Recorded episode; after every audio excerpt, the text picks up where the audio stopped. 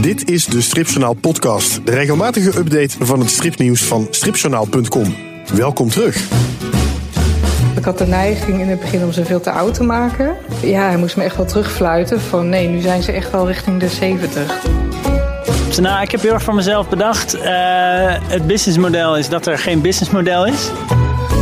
Als ik maar één slechte recensie lees, dan word ik daar heel onzeker van. Terwijl ik kan twintig goede lezen en dat doet dan helemaal niks. Dat is zo'n afwijking van mij.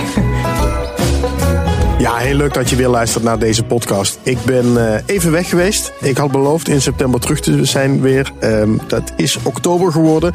Ietsje later. Uh, dat komt omdat er bij mijzelf best wel een hoop veranderd is de laatste tijd. Um, zoals je misschien weet, werk ik in het dagelijks leven bij BNR Nieuwsradio. Um, en daar ben ik begin september begonnen met een nieuw programma. BNR's Big Five. Um, echt een heel leuk programma. Uh, elke week hebben we dan een thema met vijf gasten topgasten over dat thema of over die sector. Fantastisch programma om te maken samen met Roelof Hemme. Um, maar dat uh, heeft gewoon, die opstartfase heeft gewoon heel veel tijd bij mij opgeslokt. En doet het trouwens nog steeds. Dus vandaar dat ik ietsje later terug ben met deze podcast. Um, en vandaar dat ik ook moet gaan zeggen dat deze podcast nu om de week gaat komen in plaats van elke week. want anders gaat het me gewoon niet lukken. Ik kan gewoon niet aan die belofte vasthouden om er elke week te zijn. En ik wil wel graag dat ik, wat ik je beloof, dat ik dat doe. Dus um, vanaf nu om de week uh, de Stripjournaal podcast weer terug. BNR's Big Five kan ik dus ook heel erg aanbevelen. bnr.nl slash big five. En ik beloof je dat ik natuurlijk ook een keer een Big Five van de Nederlandse strip ga doen. Dus die komt er zeker aan. En als die er is, dan, uh, dan hoor je dat absoluut van me. Oké, door naar de strips. Um, iemand die een tijdje terug ook een heel mooi project gelanceerd heeft, ook ongeveer een maand geleden, is Hugo Cerise. Vorig jaar speelde hij zichzelf in de kijker met uh, Strip Battle in de Strip Glossy. En nu heeft hij zijn eigen strip gepresenteerd, De Lijn, over een superheld in zijn eigen stad, Den Haag. Hij heeft er heel goed over nagedacht. Hij heeft ook heel goed nagedacht over zijn presentatie. Was echt prachtig in Den Haag, in een theater. Lanceerde hij De Lijn. En ik was erbij. Hugo Cerise, welkom in seizoen 3 van de Stripjournaal podcast. We zijn weer begonnen. Eindelijk. Um, en wat een prachtige presentatie heb jij hier gegeven. Jij bent begonnen met je strip De Lijn in Theater Pepijn in Den Haag. Um, een mooie presentatie met muziek, hele mooie beelden op de achtergrond. Uh, je hebt echt het verhaal van je strip verteld. Nou ja, er zijn natuurlijk heel veel mensen niet bij geweest. Dus wat hebben mensen hier gemist? Um, ik denk wat mensen hebben gemist. Dankjewel sowieso voor je lovende woorden. Heel tof om van jou te horen. Maar wat uh, mensen hebben gemist is, uh, ja, ik denk een multimediale presentatie van het stripverhaal. Je zit natuurlijk altijd een beetje met het ding. Als je een strip leest, kan je zelf bepalen hoe snel je dat doet. En als je er muziek onder legt, dan, dan ga ik dat voor je bepalen, zeg maar. Want dan moet je daar op een bepaalde tijd moet je daar doorheen. Dus wat ik heb geprobeerd te doen, is om een soort haast geïmproviseerde monoloog wel over beelden te doen die wel gedicteerd waren door mij. Um, en zo maakten we een soort van ja, haast een film uh, van het stripverhaal eigenlijk. Ja, en de lijn, dat is jouw strip waar je nu mee gaat beginnen. Wat is het? Wat kunnen we verwachten? Ja, de lijn is eigenlijk uh, iets waarbij ik twee liefdes van mezelf samenbreng. Enerzijds de Amerikaanse superhelden comic. Echt gewoon die proactieve, individualistische held die denkt dat je met je vuist alles kan oplossen. En eigenlijk de stad Den Haag, waar ik ben opgegroeid. Maar ook eigenlijk Nederland als geheel, weet je wel. Waarin we sowieso een beetje afkeurend kijken tegen dat uh, individualisme van die Amerikanen. Maar ook waar we misschien wat beter weten dat onrecht en misdaad niet zo zwart-wit zijn als je misschien zou denken. Weet je wel, er is niet per se goed en kwaad. Er zijn heel veel gradaties. Dus ik wilde eigenlijk kijken wat gebeurt er als je nou een held daartussen zet die dat, die, die dat nog niet weet eigenlijk. Dus dat is een beetje de verkenning. En verder is het gewoon een kikke superheldenstrip in de stijl van, ja, ik hoop een beetje de stijl van uh, Batman, Year One, Will Eisner. Een beetje veel donkere zwarte vlakken en dat soort dingen. Ja, en met als decor Den Haag. Een heel klopt. echt realistisch decor. Ja, je eigen stad, hè? Ja, klopt. Ja, ja, ik vind Den Haag een heel mooie stad met heel veel verschillende gezichten. En uh, het inspireert me enorm. Uh, in het verzinnen van verhalen. Eigenlijk, ja, mijn hoofd werkt zo als ik zeg maar, mensen op straat zie lopen of ik zie een gave setting dan popt er een verhaal in mijn hoofd, weet je wel. En dan moet ik daar wat mee. Dus ik hoef eigenlijk maar uit het raam te kijken. En dan heb ik wel weer, uh, voor twee maanden heb ik wel weer genoeg materiaal. Dus het is ook eigenlijk heel erg gemakzucht. Ehm, eh, ja, ja, ook belangrijk. Ja, tuurlijk. Je moet, je moet het ook. Maar het is wel mooi om gewoon je eigen stad als decor te gebruiken natuurlijk. Je bent hier best wel een tijdje mee bezig. Ik vind het heel mooi om te zien hoe je het zo minutieus voorbereid hebt. Dat zie je ook natuurlijk in deze presentatie. Maar ik zag ook online van jou wat, wat schetsen en zoektochten naar dat, dat pak van, van, je, van je superheld. En eh, je, bent, je hebt echt een enorme zoektocht achter de rug. Ja, klopt. Ja, ik wilde toch een beetje kijken van hoe, eh, hoe maak je nou zoiets aantrekkelijk voor een aantal mensen. En ik moet zelf wel dat karakter goed kennen, weet je wel, als ik ermee wil kunnen spelen. Dus je bent dan altijd een beetje aan het verkennen naar van wat voor pak zou die dan dragen en zo. En ja, ik hou gewoon van dat soort details. En dan kan ik me dan ook een beetje in verliezen, weet je wel.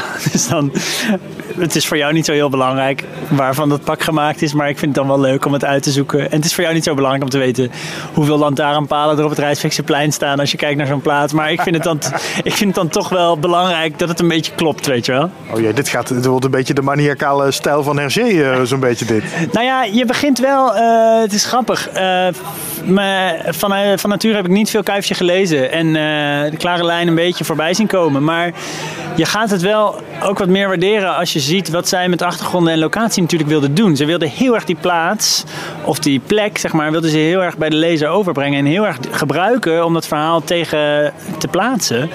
En je merkt nu, merk ik zelf, dat, dat ik, ja, ik ben nu veel meer achtergronden aan het tekenen dan normaal. En dat je ook toch je verhaal anders gaat opbouwen, weet je wel. Dus dat, dat beïnvloedt elkaar wel. En dan ga je uh, elke week zeven pagina's maken, online zetten. Klopt. Uh, dat is een behoorlijke klus. En dan denk ik wel meteen weer, want er wordt in de stripwereld vaak gesproken over uh, de striptekenaars die het moeilijk hebben om geld te verdienen, bladibla.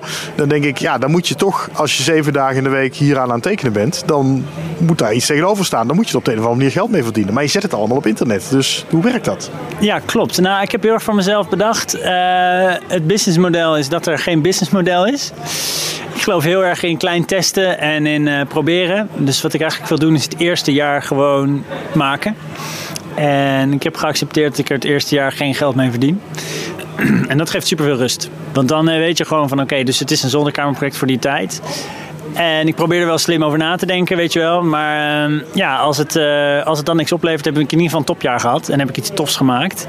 En dan ga ik daarna weer iets anders doen. En in het beste geval ga ik natuurlijk uh, dan het album uitbrengen en willen mensen dat kopen, weet je wel. Dus ja, dat is een beetje waar ik nu een beetje tussen hang, zeg maar. Ja, maar heb je dan um, zo'n enorme spaarpot of heeft je vrouw zo'n goede baan of kun je er toch nog iets naast doen? Nou ja, ik ben heel economisch in mijn tijd en ik sta heel vroeg op. Ja, vier uur of zo, hè? Jezus, ik kreeg vorige week een appje van je om vier uur ja, ochtends. Ja, nee, dat is, uh, ja, dat, is de, dat is het magisch. Dat is het geheim. Dat is mijn superkracht. Dat ik heel vroeg de wekker kan zetten. Hoe je dat vol? Ik heb wel eens, uh, nou, ik werk bij BNR, dat is mijn, mijn, dagelijkse bezigheid. En daar heb ik wel eens een ochtenddienst. Dus gaat mijn wekker ook om vier uur. Moet ik om vijf uur daar zijn voor de ochtendshow die om zes uur mhm. begint. Um, en als je dan middag thuis komt om een uur of één of twee, dan kun je hem ook wel echt opvegen. Dan is het gewoon klaar. Ja, nou ja, dan nog even doorzetten, bakje drinken en, uh, en gaan. Ik kan nog wat van jou leren, hoor ik. Ja, zeker. Um, wat is je, ja, je zei het net al een beetje, maar wat is je, je toekomstbeeld of je droom met de lijn? Nou, ik zou het wel heel tof vinden als het in print uiteindelijk verschijnt en gelezen wordt, weet je wel. Dat is het belangrijkste.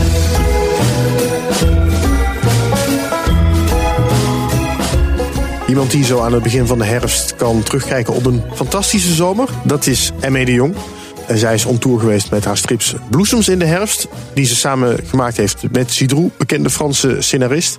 Um, en ze heeft er zelfs een prijs voor gewonnen. De Prix Atomium 2018. Nou, dat moet je dan vast op zijn Frans zeggen, maar goed. Uh, die heeft gewonnen op het Fête la Bande Dessinée, stripfestival in Brussel. Daarbovenop is ook nog eens animaties gaan maken voor De Wereld Draait Door. Dus ME is gewoon all over the place. Dus ik dacht, goed moment om haar weer eens te spreken. Het was heel druk. Het was ook heel leuk. Um, ja, hoe, hoe dat eigenlijk gegaan is. Het, het boek kwam uit in juni. Dus midden in de zomer. En toen uh, werd ik dus uh, op een soort tournee gestuurd in België en Frankrijk. Want het boek kwam uit in het Frans eerst en daarna pas in Nederland.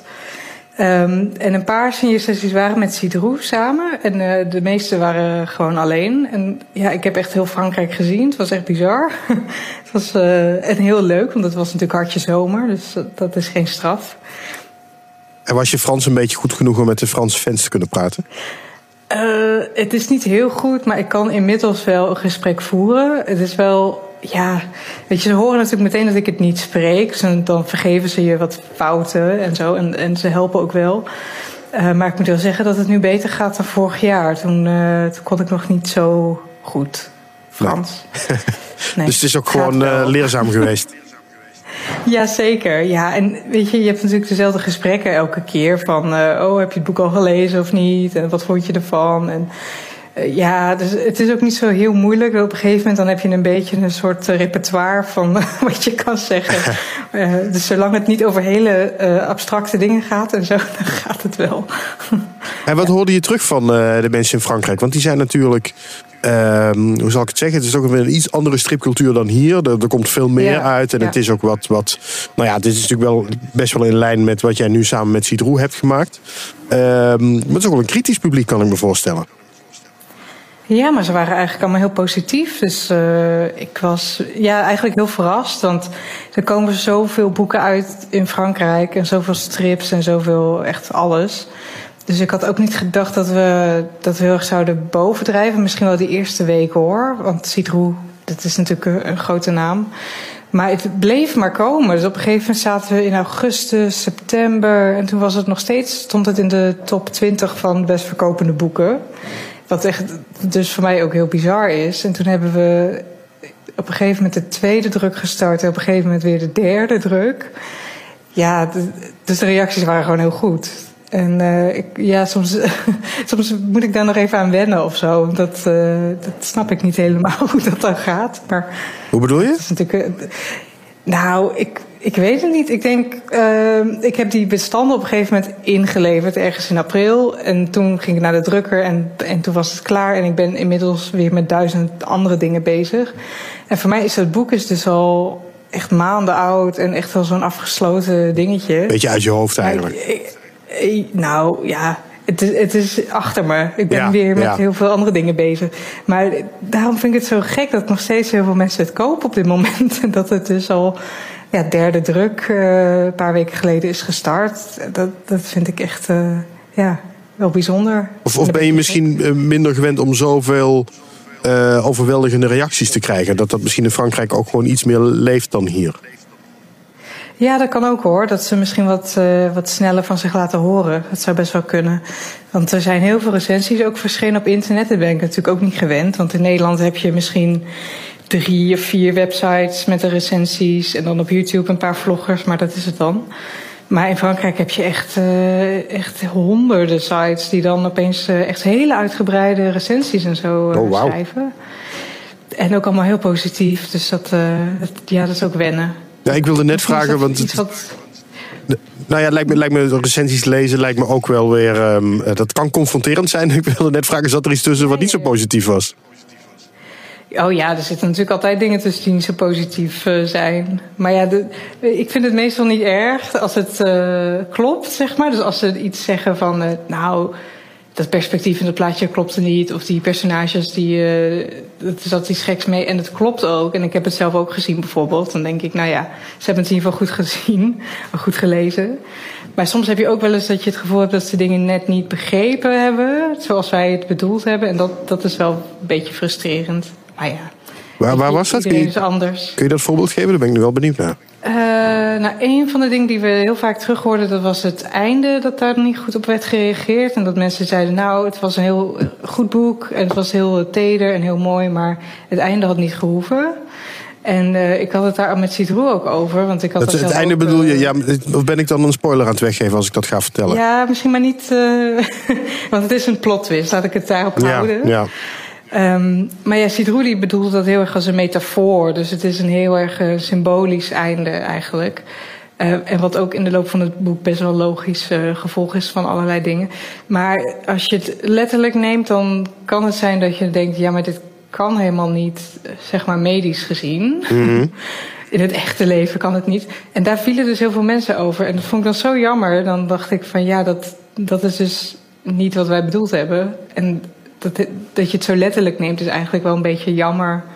Maar goed, misschien is dat ook weer een, uh, een les voor ons dat we dat de volgende keer beter moeten communiceren of zo. Of ja, iemand die, eh, die je boek niet gelezen heeft, heeft nog geen idee waar we het over hebben. Nee, ik, ik ga het ook niet zeggen, want ik vind het zonde om het einde van zo'n boek te verraden voor iemand die nog niet gelezen heeft. Dus dan uh, mensen die nu geen idee hebben waar we het over hebben, dat is een goede reden om alsnog even bloesems in de herfst uh, erbij te pakken. Um, de Franse titel is, oh, hier heb ik op zitten oefenen, maar toch. L'obsolescence programmée de nos sentiments. Doe ik het een beetje Ja, klopt. ja, een beetje. ik heb de indruk dat dat niet hetzelfde is als bloesems in de herfst. nee, dat klopt. nee, dat uh, was wel de bedoeling. Dat we het een beetje. Want het Franse titel is de oorspronkelijke titel. Dus we moesten hem in het Nederlands vertalen. En toen hebben we echt weken heen en weer gemaild met, uh, met Citroën en met mij en de Nederlandse uitgever. Maar we konden, gewoon, we konden het gewoon niet vertalen. Het is een hele Franse term. Wat, wat is de letterlijke vertaling? Nou, wat het betekent eigenlijk, en dat, dat bestaat dus ook niet echt in het Nederlands. Wat het betekent is een soort geprogrammeerde veroudering. En dat, dat gaat over apparaten. Dus, dus laptops en mobieltjes en zo, die zijn geprogrammeerd om binnen een jaar of binnen vier jaar kapot te gaan. En dat, dat is wel algemeen bekend. En dat heeft dus die naam, obsolescence programmée. Maar dan eh, de rest, dus uh, de no sentiment, dat betekent dan van onze gevoelens. Dus het is een, uh, ja, een soort technische term, maar dan slaat het op menselijke gevoelens. Oké, okay, ik kan me heel, voorstellen dat je dan moeite mooi. hebt om daar iets, iets, moois in het Nederlands van te maken. Ja, nou, het is heel mooi als je die term kent, obsolescence programmé. Maar als je die term helemaal niet kent, dan gaat het gewoon, dat gaat gewoon niet, dat Nee. vertalen. Dan kom je op hele gekke dingen uit. Dus uh, toen hebben we dat gewoon overboord gegooid. Ja. En hoe, ben je, hoe zijn jullie, want Bloesems in de herfst was echt jouw suggestie, geloof ik, hè? Ja, klopt. Ja, maar het zat ook in het boek. Dus het was op een gegeven moment, uh, wordt dat gezegd. Uh, volgens mij halverwege het boek. En uh, oh ja, dat, is waar. dat vond iedereen vond dat eigenlijk wel een hele mooie quote. Maar we hebben het toen in de Nederlandse versie nog net wat aangepast, zodat het mooi aansloot op de titel. En toen kon het. Dus ja. Even over het boek zelf. Want ik weet nog dat ik in een van mijn eerste podcasts, uh, zo'n beetje de eerste bij jou was. Uh, om te praten toen over de Wespendief. En, maar toen was je ook net bezig met de eerste schetsen voor dit verhaal. En toen uh, zei je, want jij bent iemand die graag met de computer werkt. En toen zei je, ja, voor dit verhaal ga ik toch weer op papier werken. Want het mag wel een rauw randje hebben. Want het gaat over twee oudere mensen. Ehm, dus het mag wel, het mag wel een rafelrandje hebben. En toen vroeg ik me af, heb je dat volgehouden om dit gewoon echt ouderwets op papier te maken? Uh, nee. Nee, toch niet? en dat had ik ook verwacht. Nou, ik ben gewoon helemaal niet geroutineerd in uh, op papier werken. Ik, ik, werk inmiddels echt al meer dan tien jaar op de computer. En uh, wat ik een beetje verkeerd had ingeschat, was dat het heel veel tijd kostte om daar aan te wennen. Dus mijn vingers, mijn, mijn hele de hersenen moesten zeg maar de, die omschakeling maken. En ik kon gewoon niet, wat ik wilde tekenen, kon ik niet op papier zetten. Dus ik ben uh, toch weer overgestapt naar de computer en toen ging het in één keer goed. Kijk. dus ja, misschien een andere project nog eens proberen, maar uh, dit keer is het niet gelukt. En hoe was het om uh, deze strip zo met Sidro te maken, om die samenwerking aan te gaan? Ja, uh, nou, het is een beetje een ingewikkelde samenwerking. Want hij woont in Spanje uh, en ik woon in Rotterdam. En uh, wat hij eigenlijk heeft gedaan is het hele scenario in één keer uittypen. Dus ik, kreeg echt een, een Word-document van 50 kantjes. en er stonden dan volgens mij twee of drie pagina's per, per kantje. En dat moest ik dan naar een Nederlandse vertaler sturen, want dat was natuurlijk helemaal in het Frans. En die vertaling heb ik vervolgens gebruikt als leidraad voor, voor het boek. Dus ik werkte ook met een tekst die niet uh, echt van hem was, maar meer van een vertaler. Ja. en, en met hem had ik heel weinig contact. Echt maar één keer in de zoveel maanden, weet je wel. Dat, dat je even appt of even mailt van... hé, hey, wat vind je hiervan? Maar het meeste heb ik gewoon alleen gedaan. En dus wat dat betreft, ja, het, is een samenwerking, tuurlijk. Maar het voelt nou niet zo alsof wij uh, elke dag uh, aan de telefoon hebben gehangen of zo. Nee. nee, nee. Het was echt meer uh, richting het persmoment en de uitgaven dat we bijna dagelijks gemaild hebben. Maar dan gaat het veel meer over praktische dingen dan, dan over de inhoud van het boek. Ja, en had je wel het gevoel dat je heel erg je eigen ding erin kwijt kon? Uh, ja, ik had wel uh, heel veel dingen ook aangepast in zijn, in zijn scenario. Dus dat Ja. had ik wel, ja. ja. Ehm, en die ruimte liet hij ook. Dus uh, hij zei al vanaf het begin van sommige pagina's die waren gewoon helemaal open. Daar had hij alleen opgeschreven. Bijvoorbeeld, dit zijn drie pagina's waarop ze vrijen. En succes ermee. dat oh. mocht ik dan gewoon helemaal zelf invullen. Ja. ja. Dus, nou, dat vond ik wel precies het, de, de pagina's waarvan ik dacht, dat, dat lijkt me best lastig om dat op een mooie manier in beeld te brengen. Zonder dat het ehm, plat wordt of, of, hmm. of um, uh, of, of ook, ook niet, het moet ook weer niet, uh, het moet ook weer niet te, te preut zijn natuurlijk. Je moet daar een goede balans in vinden. Ja, en dat was wel moeilijk. Het is niet in één keer goed gegaan hoor. Volgens mij is dit de derde of de vierde versie van die pagina's die ik, die ik gemaakt heb. Um, maar ja, wat, wat wel duidelijk was in dat scenario, te, dat haalde ik eruit in ieder geval, was dat er gewoon heel veel respect was voor die personages. Dus dat het gewoon nergens uh, vulgair moest zijn of een beetje entertaining of zo. Een beetje zo van, oh, we gaan nu kijken hoe twee oudere mensen seks hebben. Dat, dat was echt niet de bedoeling. En we mhm. hebben heel erg ons best gedaan om, om ja, dat respect toch te houden. En dat is wel een van de dingen die we ook wel uh, terug horen van de lezers. Dat ze dat zo mooi vinden. Ja. Dat, uh, ja, vind ik zelf ook goed gelukt. Ja, het lijkt me dus ook best lastig om je dan uh, in die, die wat oudere, oudere mensen... en ik denk dat ik schat ze zo rond, uh, rond de 60, ietsje ouder misschien nog. Mm -hmm. um, ja. Nou ja, jij, jij bent nog best jong, je bent een jaar of 30. Um, ja, om, je dan, om je dan in die mensen te, te verplaatsen en om het dan ook... Uh, er zit ook wat, best wat naakt ook in. en erotiek. En om dat dan op een mooie manier te doen zonder dat het ook... Um, uh, hoe zeg je dat? Het, het, ja, je moet wat rimpels tekenen overal. En, maar dat, ja, je moet daar ook mee oppassen dat het niet te veel wordt. Dat het een, dat het een soort freakshow wordt. Ja, en dat, dat kost ook heel veel tijd, kan ik je zeggen. Dat is gewoon uh, echt uh, studeren eigenlijk. Dus heel veel foto's heb ik verzameld, heel veel nagetekend, heel veel weggegooid. Uh, want ik had de neiging in het begin om ze veel te oud te maken. Ja, dat dus bedoel dat ik, ja. me ook wel, uh, ja, hij moest me echt wel terugfluiten van nee, nu zijn ze echt wel richting de 70. Dus dat is uh, niet de bedoeling. En het, ja, het komt gewoon heel nauw, dus het heeft best wel een tijdje geduurd. Zelfs in de laatste fase, dus richting correcties en zo, dan heb ik nog hoofdjes zitten, zitten aanpassen en weggummen. Omdat het gewoon nog steeds te oud was. Ja, ja, ja. ja, ja. Um, maar nu, ja, nu ligt hij er en nu heb je al die reacties gehad. Je hebt dus zelfs nog een prijs gewonnen. De Prix ja, Atomium uh, 2018 op het Vette La Bande Dessinée, zeg maar, het stripfestival in Brussel. Ja. Uh, hoe moet ik die prijs... Ik, ik, ik ken hem niet per se. Hoe, hoe moet ik die prijs wegen? Hoe groot is die? Wat, wat doet hij met je? Uh, hij is uh, niet zo heel groot en hij is van plastic, dus uh, hij is niet zo zwaar. Nou, het is een, een nieuwe prijs en dat, dat is wel tof. hij is pas dit jaar voor het eerst uitgereikt. En het is eigenlijk een prijs van de stad van Brussel. En uh, die hebben gewoon een hele grote pot geld die ze verdelen over uh, enkele prijzen. Volgens mij een stuk of zes of acht categorieën. En, uh, en er zit dan ook een geldbedrag aan vast. Volgens mij geven ze totaal iets van 100.000 euro, wat echt bizar oh, wow. is. Ja, dat was één alleen voor strips? Voor, of, Ja, alleen voor strips. En het, dat is dan ook verbonden aan dat festival. En uh, er was één prijs uh, voor graphic novel, de beste graphic novel van dit jaar. En die kreeg echt 20.000 euro of zo.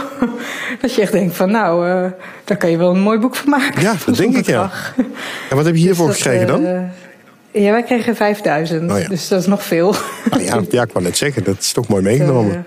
ja, dus, uh, en het, onze prijs is dan specifiek voor uh, de strips die gaan over de samenleving. Dus het, uh, er was een shortlist volgens mij van tien boeken. En die gingen ook allemaal over ja, de dingen die in, in de samenleving spelen eigenlijk. Ja. heel veel verschillende dingen. En ons boek was genomineerd omdat het dan gaat over ouderen en eenzaamheid ook een stukje en dat soort dingen. Ja. ja. Nou, je hebt nu die hele tour gehad afgelopen zomer door Frankrijk. En natuurlijk ook op promotie in Nederland en België. Naar die prijs in Brussel. Samenwerking met Cidroe. Als je nu, nu kom je een beetje op het punt dat je um, langzaam een beetje kan gaan terugkijken. Wat, wat heeft dit boek jou gebracht? Um, ik denk, nou ja, vooral uh, wat zelfvertrouwen. Want dat was wel. Uh, Had je dat nog nodig dan? volgens mij is dat bij iedere tekenaar zo. Dat, dat je heel erg twijfelt. Vooral als je dingen afrondt na een lange tijd. Want ik heb hier bijvoorbeeld drie jaar aan gewerkt. En dan, dan zie je op een gegeven moment niet meer ja, hoe, hoe jij het bijvoorbeeld ziet of hoe een lezer het ziet. Want je bent helemaal gewend aan die tekeningen. Dus je ziet niet meer of het nou ja, wat voor boek het is. Of het nou goed is, of dat het middelmatig is, of wat dan ook. Ja. Mhm. Maar door al die reacties, ook van de Franse lezers, heb ik toch wel het gevoel dat ik iets goed gedaan heb. Dus dat, is, uh, dat, dat helpt mee. Um, en ik heb gewoon ontzettend veel eh, contacten opgedaan in de afgelopen maanden, die ik gewoon niet, uh, anders niet had opgedaan. Gewoon echt op die festivals en onder tekenaars, onder uitgevers. Uh, ja. En bijvoorbeeld zo'n prijs, dat, dat is leuk dat er een geldbedrag aan zit. Maar belangrijker is misschien wel dat die hele zaal vol zat met alle grote uitgevers van de Belgische en ah, Franse ja. uh, stripwereld. En dat achteraf kwam de tekenaar van Soda naar me toe om me te feliciteren. En de uh, Fabien Villemont, de schrijver van Robbedoes en van uh, uh, alleen, weet je, die reeks. En dat, ik ook dacht van ja, maar als ik niet nu op dat podium had gestaan, had hij echt niet geweten wie ik was. Maar die kwamen dan echt naar mij toe om me te feliciteren. En ik dacht, nou, dat zijn wel van die namen waar je misschien ooit nog wat mee kunt doen. Ja. Um, en dat, dat is toch wel belangrijk. Ik denk ook, ja, het meeste gaat gewoon via via in die wereld. Dus uh, ja, en een gesprek gehad met de redactrice van de Spirou. Dus uh, dat, dat soort oh, dingen. dat gebeurt allemaal op dat soort festivals. Ja. Oh, dat is volgens mij wel een beetje jouw guilty pleasure om in de Spirou te publiceren. Ja, dat zou ik wel leuk vinden. Ja, ja we zijn nu in gesprek uh, voor een kort verhaal. Ah, dus top. Dat is wel leuk. leuk. Ja. En ik vind het wel grappig wat jij net zegt, dat, dat herken ik wel een beetje. Ik ben zelf uh, meer een hobbytekenaar, zeg maar. Maar ik vind het grappig mm -hmm. dat ik dat ook bij heel veel professionele tekenaars terugzie. En ik herken het dus ook van mezelf dat wat je ook hebt getekend, dat je vooral eigenlijk zelf altijd blijft kijken naar dat ene lijntje dat niet goed staat. Ja, dat is ook het enige wat je nog kan zien op Ja. een gegeven moment. Hè? Ja. En de rest uh, niet. Ja, ik vind Ja. het grappig dat zelfs professionele tekenaars die al, al een hele tijd op professioneel niveau daarmee bezig zijn, dat ook hebben. Ja, en- ja, misschien is het ook wel de enige reden dat je, ja, dat je beter wordt of zo. Omdat je alleen maar ziet waar het niet goed gaat. Kijk, als je op een gegeven moment denkt, nou, dit, eh, dit is zo perfect. Ik kan geen foutje ontdekken. Nou, dan, dan ontwikkel je je ook niet meer verder, denk ik. Ja. Dus het is, aan de ene kant is het een soort vloek. En aan de andere kant een, een zegen. Dat je dat van je eigen werk nog kunt zien. Maar eh, ja, soms is het lastig hoor. Omdat je ook... Als ik maar één slechte recensie lees, dan word ik daar heel onzeker van. Terwijl ik kan twintig goede lezen en dat doet dan helemaal niks. Dat vind ik ook eh, zo'n afwijking van mij. Ja. In plaats van dat je dan die twintig goede gelooft, dan ga je toch die ene die, die wat negatiever was, daar ga je toch mee naar bed eh, uiteindelijk. Ja. Ja. Nou, dat heb ik vaker gehoord van mensen inderdaad die, eh, de, de, de- nou ja, mensen die, van wie hun werk gerecenseerd wordt. Ja, de, de, Mhm. de slechte recensies blijven altijd beter hangen dan de goede recensies. Dus eh, ja, dus Niet, niet te veel lezen zou ik zeggen. Dat is Gewoon goed. doen. Gewoon doen. We zagen je ook afgelopen week iets heel anders bij eh, De Wereld Uit Door ineens langskomen. Ehm, dat is ook een mooi project, want daar, ehm, dat is eigenlijk net afgelopen week begonnen. Eh, Songs in the Key of Life heet het. En dan, dan eh, eh, spelen ze een nummer. En daar heb jij dan een animatie bij gemaakt. Ik, laat heel, ja, ik kan het niet laten zien, ik kan alleen iets laten horen. Maar goed, je hoort dan Ellen Clark hoor je zingen. Oh, hij is toch wel heel hard. Wacht even hoor. Zo. Ik zet hem er gewoon even bij. Ehm, maar dan moet jij even omschrijven, en mee voor, voor wie het niet gezien heeft. Het is natuurlijk nog makkelijk terug te kijken, maar wat, eh, wat doe jij hierbij? Ehm, nou, ik ben in ieder geval niet aan het zingen of zo. ik, ben, eh, ik ben de animator en ik maak filmpjes voor bij de muziek. Dus je ziet in de montage zie je de artiest spelen en je ziet eh, de band spelen. En achter die muzikant zie je een filmpje wat gaat over dat liedje. Ehm, en af en toe snijdt de montage er ook nog naar de, de volledige beelden uit dat filmpje. En die heb ik allemaal getekend. Ja. Een, eh, ja, een soort tekenfilm, animatie. Mooi. En het, het idee is, als ik het goed begrepen heb, een een beetje door het leven heen. Dus hier begon het, zag je ook in jouw tekeningen, bij een geboorte. Ja, Eh, klopt. en straks aan het eind van het seizoen, dan, eh, dan, eh, dan zitten we bij het onvermijdelijke einde. Eh, ja, dat is de bedoeling. Dus we gaan nu nog twaalf filmpjes maken. Dus elke twee weken komt dit item voorbij. Op, meestal op woensdag of donderdag.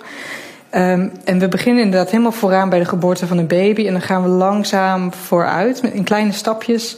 En die baby die gaat opgroeien. Dat wordt een, een peuter en een, een kindje en dan een tiener. En wat de bedoeling is, is dat bij elke levensfase er een nieuw liedje wordt gekozen. En ik dus ook nieuwe tekeningen ga maken. Maar die, die persoon, die hoofdpersoon, die blijft altijd de hoofdpersoon. Dus dat, uh, ja, we gaan in feite een leven volgen.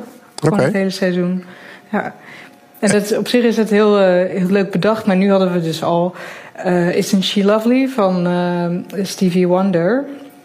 En uh, dus we dachten in het begin nog, nou wat gaan we doen? Een jongen of een meisje? Wie gaan we volgen? Wat is leuk? Maar ja, dan kies je zo'n nummer, Isn't She Lovely? En dan, dan, kan je eigenlijk al niet meer een jongen kiezen, want dat is natuurlijk een beetje gek. Oh, dus maar dan kom je misschien straks nog wel in de knel. Als er een, als er een uh, ja. nummer wordt gewoon wat over hier gaat of hem, dan ja, dat vraag ik me dus ook af hoe dat gaat. Uh, ja, want nu was het al zo dat... Kijk, je weet van Stevie Wonder dat dat een gekleurde man is. Maar nu, wij, wij hadden dan weer gekozen voor een soort blank kindje. Wat ook een beetje gek was misschien. dus ik ben heel benieuwd naar wat voor dilemma's we nog gaan krijgen... wat betreft die, uh, die nummers en, uh, en het verhaal. ja. ja. Aan de andere kant denk ik, het is ook gewoon een beetje jouw artistieke interpretatie daarvan, denk ik. En zo Um, ik heb er in ieder geval zelf niet zo naar gekeken. Van oh, Stevie Wonder is, uh, is donker en, en, dit is een blank kindje. Mm -hmm. Of uh, is het een jongen of een meisje? Dat, dat, yeah. zo, zo letterlijk heb ik het allemaal niet opgevat in ieder geval. Wel goed zo. Dus, dat is mooi. Ja. ja, ik denk ook dat op een gegeven moment dat mensen dat wel snappen. Maar die eerste keer was misschien wat uh, even wennen ja. aan het concept. Wat vind je hier leuk aan om dit te doen? Nou, ik vond het sowieso heel leuk om met muziek te werken. Want dat, uh, dat heb ik al een keer eerder gedaan voor een theatervoorstelling. En uh, ik vond het bijna magisch hoe goed dat op elkaar aansluit. Tekeningen en muziek. En, um, dus dat vond ik heel tof. En gewoon het, podium natuurlijk, want er kijken gewoon heel veel mensen naar. Dus uh, ik heb wel even moeten nadenken hoor, ze mij vroegen. Want ik had gewoon al heel veel op de agenda staan. En alles wat ik wil gaan doen, dat wordt nu uitgesteld door dit project. Dus ik twijfelde wel even, maar ja, uiteindelijk ook die, uh, ja, die samenwerkingen die je dan aangaat, dat is natuurlijk uniek. Dus nu, uh, de eerste keer was met Elaine Clark. En dat, dat zijn ook van die mensen waar je dan normaal nooit mee zou samenwerken. Dus ja, ik ben eigenlijk wel tevreden mee. Ja, dat, is, ja dat snap ik wel, ja. En inderdaad een mooi publiek, ja. De, um, ja iets iets ja. wat je op de agenda had staan, wat in ieder geval is blijven staan volgens mij, is het Cross Comics Festival. Ja, klopt. Uh, dat komt eraan. Um, oh, ik weet even niet uit mijn hoofd wanneer het ook alweer is. Mag jij zeggen? Uh, 18 november. 18 november. Oké, okay. 18 november in Rotterdam. Want jij bent uh, ambassadeur van het Cross Comics Festival. Ja, nou, sinds kort maar eigenlijk. Want um, ja, misschien een maandje geleden of zo ben ik benaderd door de organisatie. Um, en die zeiden van ja, wij zijn nog bezig met dat hele festival, maar wij weten eigenlijk niet zoveel van de, de tekenaars die in Nederland uh, bezig zijn. Dus de eerste vraag was eigenlijk: heb je zin om een soort contactpunt te zijn tussen de organisatie en de tekenaars? Hé, maar wacht dus even, de organisatie is toch, eh, dat is toch Robert van der Kroft zo, zo'n beetje? Die heeft het toch allemaal bedacht en opgezet? Ja, van, van George en Jimmy? Uh, ja, maar zeker. Die, maar die, dus die... Dus inmiddels ook wat andere hoor. De, het is een uh, groter team geworden. Oké, okay. ja. maar, maar uh, Robert van der Kroft heeft niet iemand nodig die hem een beetje de weg in de tekenaarswereld laat zien, lijkt mij. Nou, toch wel. Want uh, ik, ik bedoel sowieso alleen is het wel heel veel werk. Daar kom ik nu ook wel achter. Dat je denkt, nou, je kan gewoon mailtjes uitsturen en mensen in contact leggen. Maar het is toch wel meer werk dan dat. Dus hij had gewoon ook een steun nodig daarin. En Robert die bereikt heel andere mensen dan ik ook natuurlijk. Want hij is, is uh, bekend van George en Jimmy. Wat een beetje toch meer richting de, de familiestrip en misschien de kinderstrip gaat. Terwijl ik meer uh, de graphic novels en ook journalistieke strips doe. En ja, dus ik denk dat we met z'n tweeën dat we veel uh, groter bereik hebben. Ja. Ja. En toen uiteindelijk kwam daar dus uh, nog ook de vraag bij of ik een soort gezicht wilde zijn van, de, van het festival. Dat als zij een keer naar buiten komen in de pers bijvoorbeeld, dat uh, ze mij kunnen bellen om, uh, om het over het strips te hebben. Want de organisatie kon dat dan niet zo goed als, als Robert en ik bijvoorbeeld. Ja. En inmiddels is ook Hanko Kolk erbij getrokken, dus het is een leuke groep. En Cross Comics, dat is dus, nou, dat is de derde editie, hè? Dus, dus de crossover ja. tussen andere kunstvormen en strips. Eigenlijk wat je bij DWDD doet. Ja, zeker. Ja. ja, en daarom vond ik het ook leuk dat ze me vroegen. Ik denk, nou, dat uh, past heel goed bij ja? mij. De ultieme um, crosscomic. Ja. Ja, ja, ja. En het, het, is ook gewoon een heel tof festival. Want ik geloof ook al lang niet meer in die uh, formule van de, de stripbeurzen van tegenwoordig. Dat je een soort van bananendozen met strips hebt en uh, dat is het dan.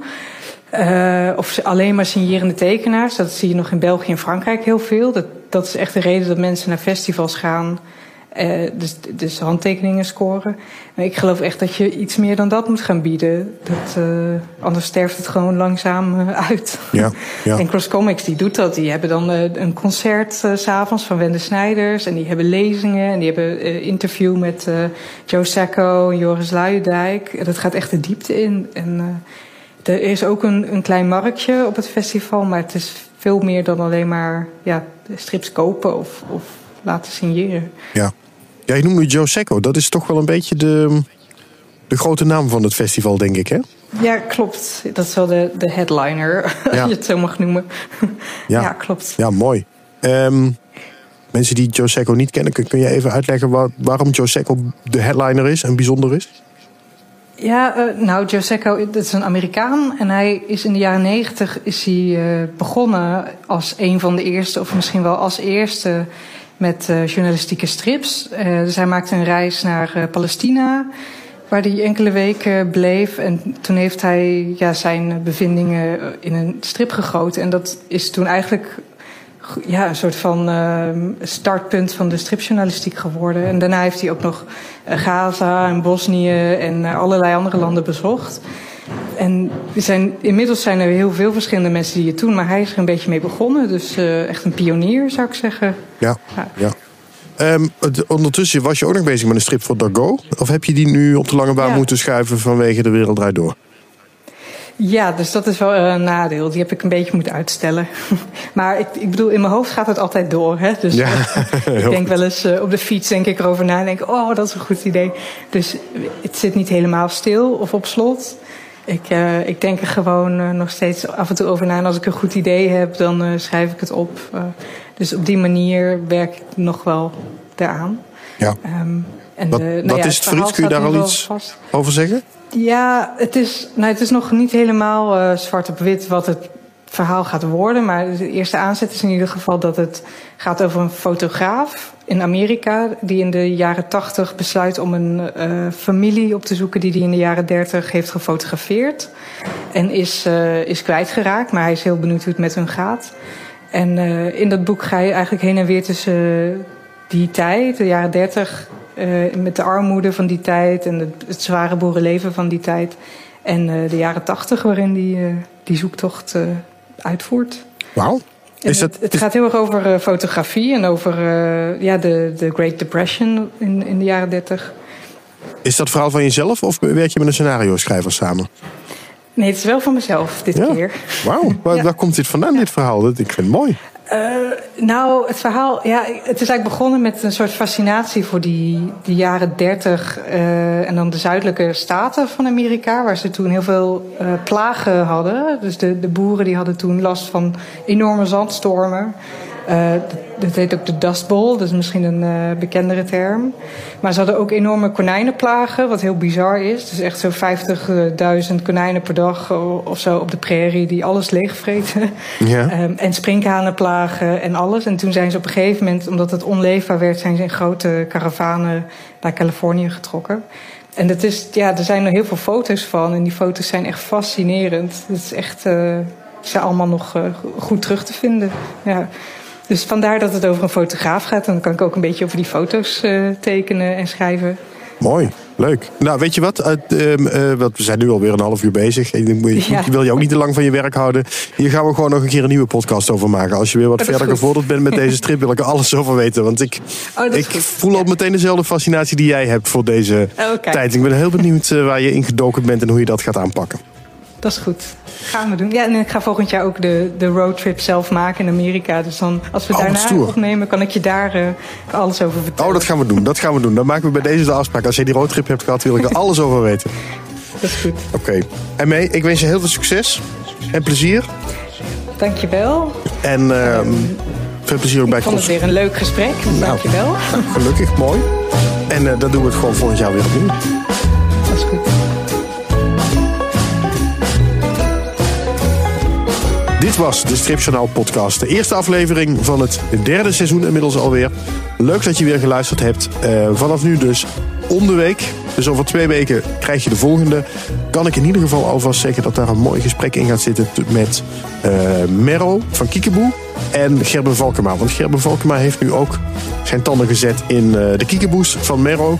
Um, en um, nou, dan krijg je een mooi gesprek met die twee samen. Dat voor de volgende keer. En ik zou zeggen, tot dan en blijf lekker strips lezen. Doei!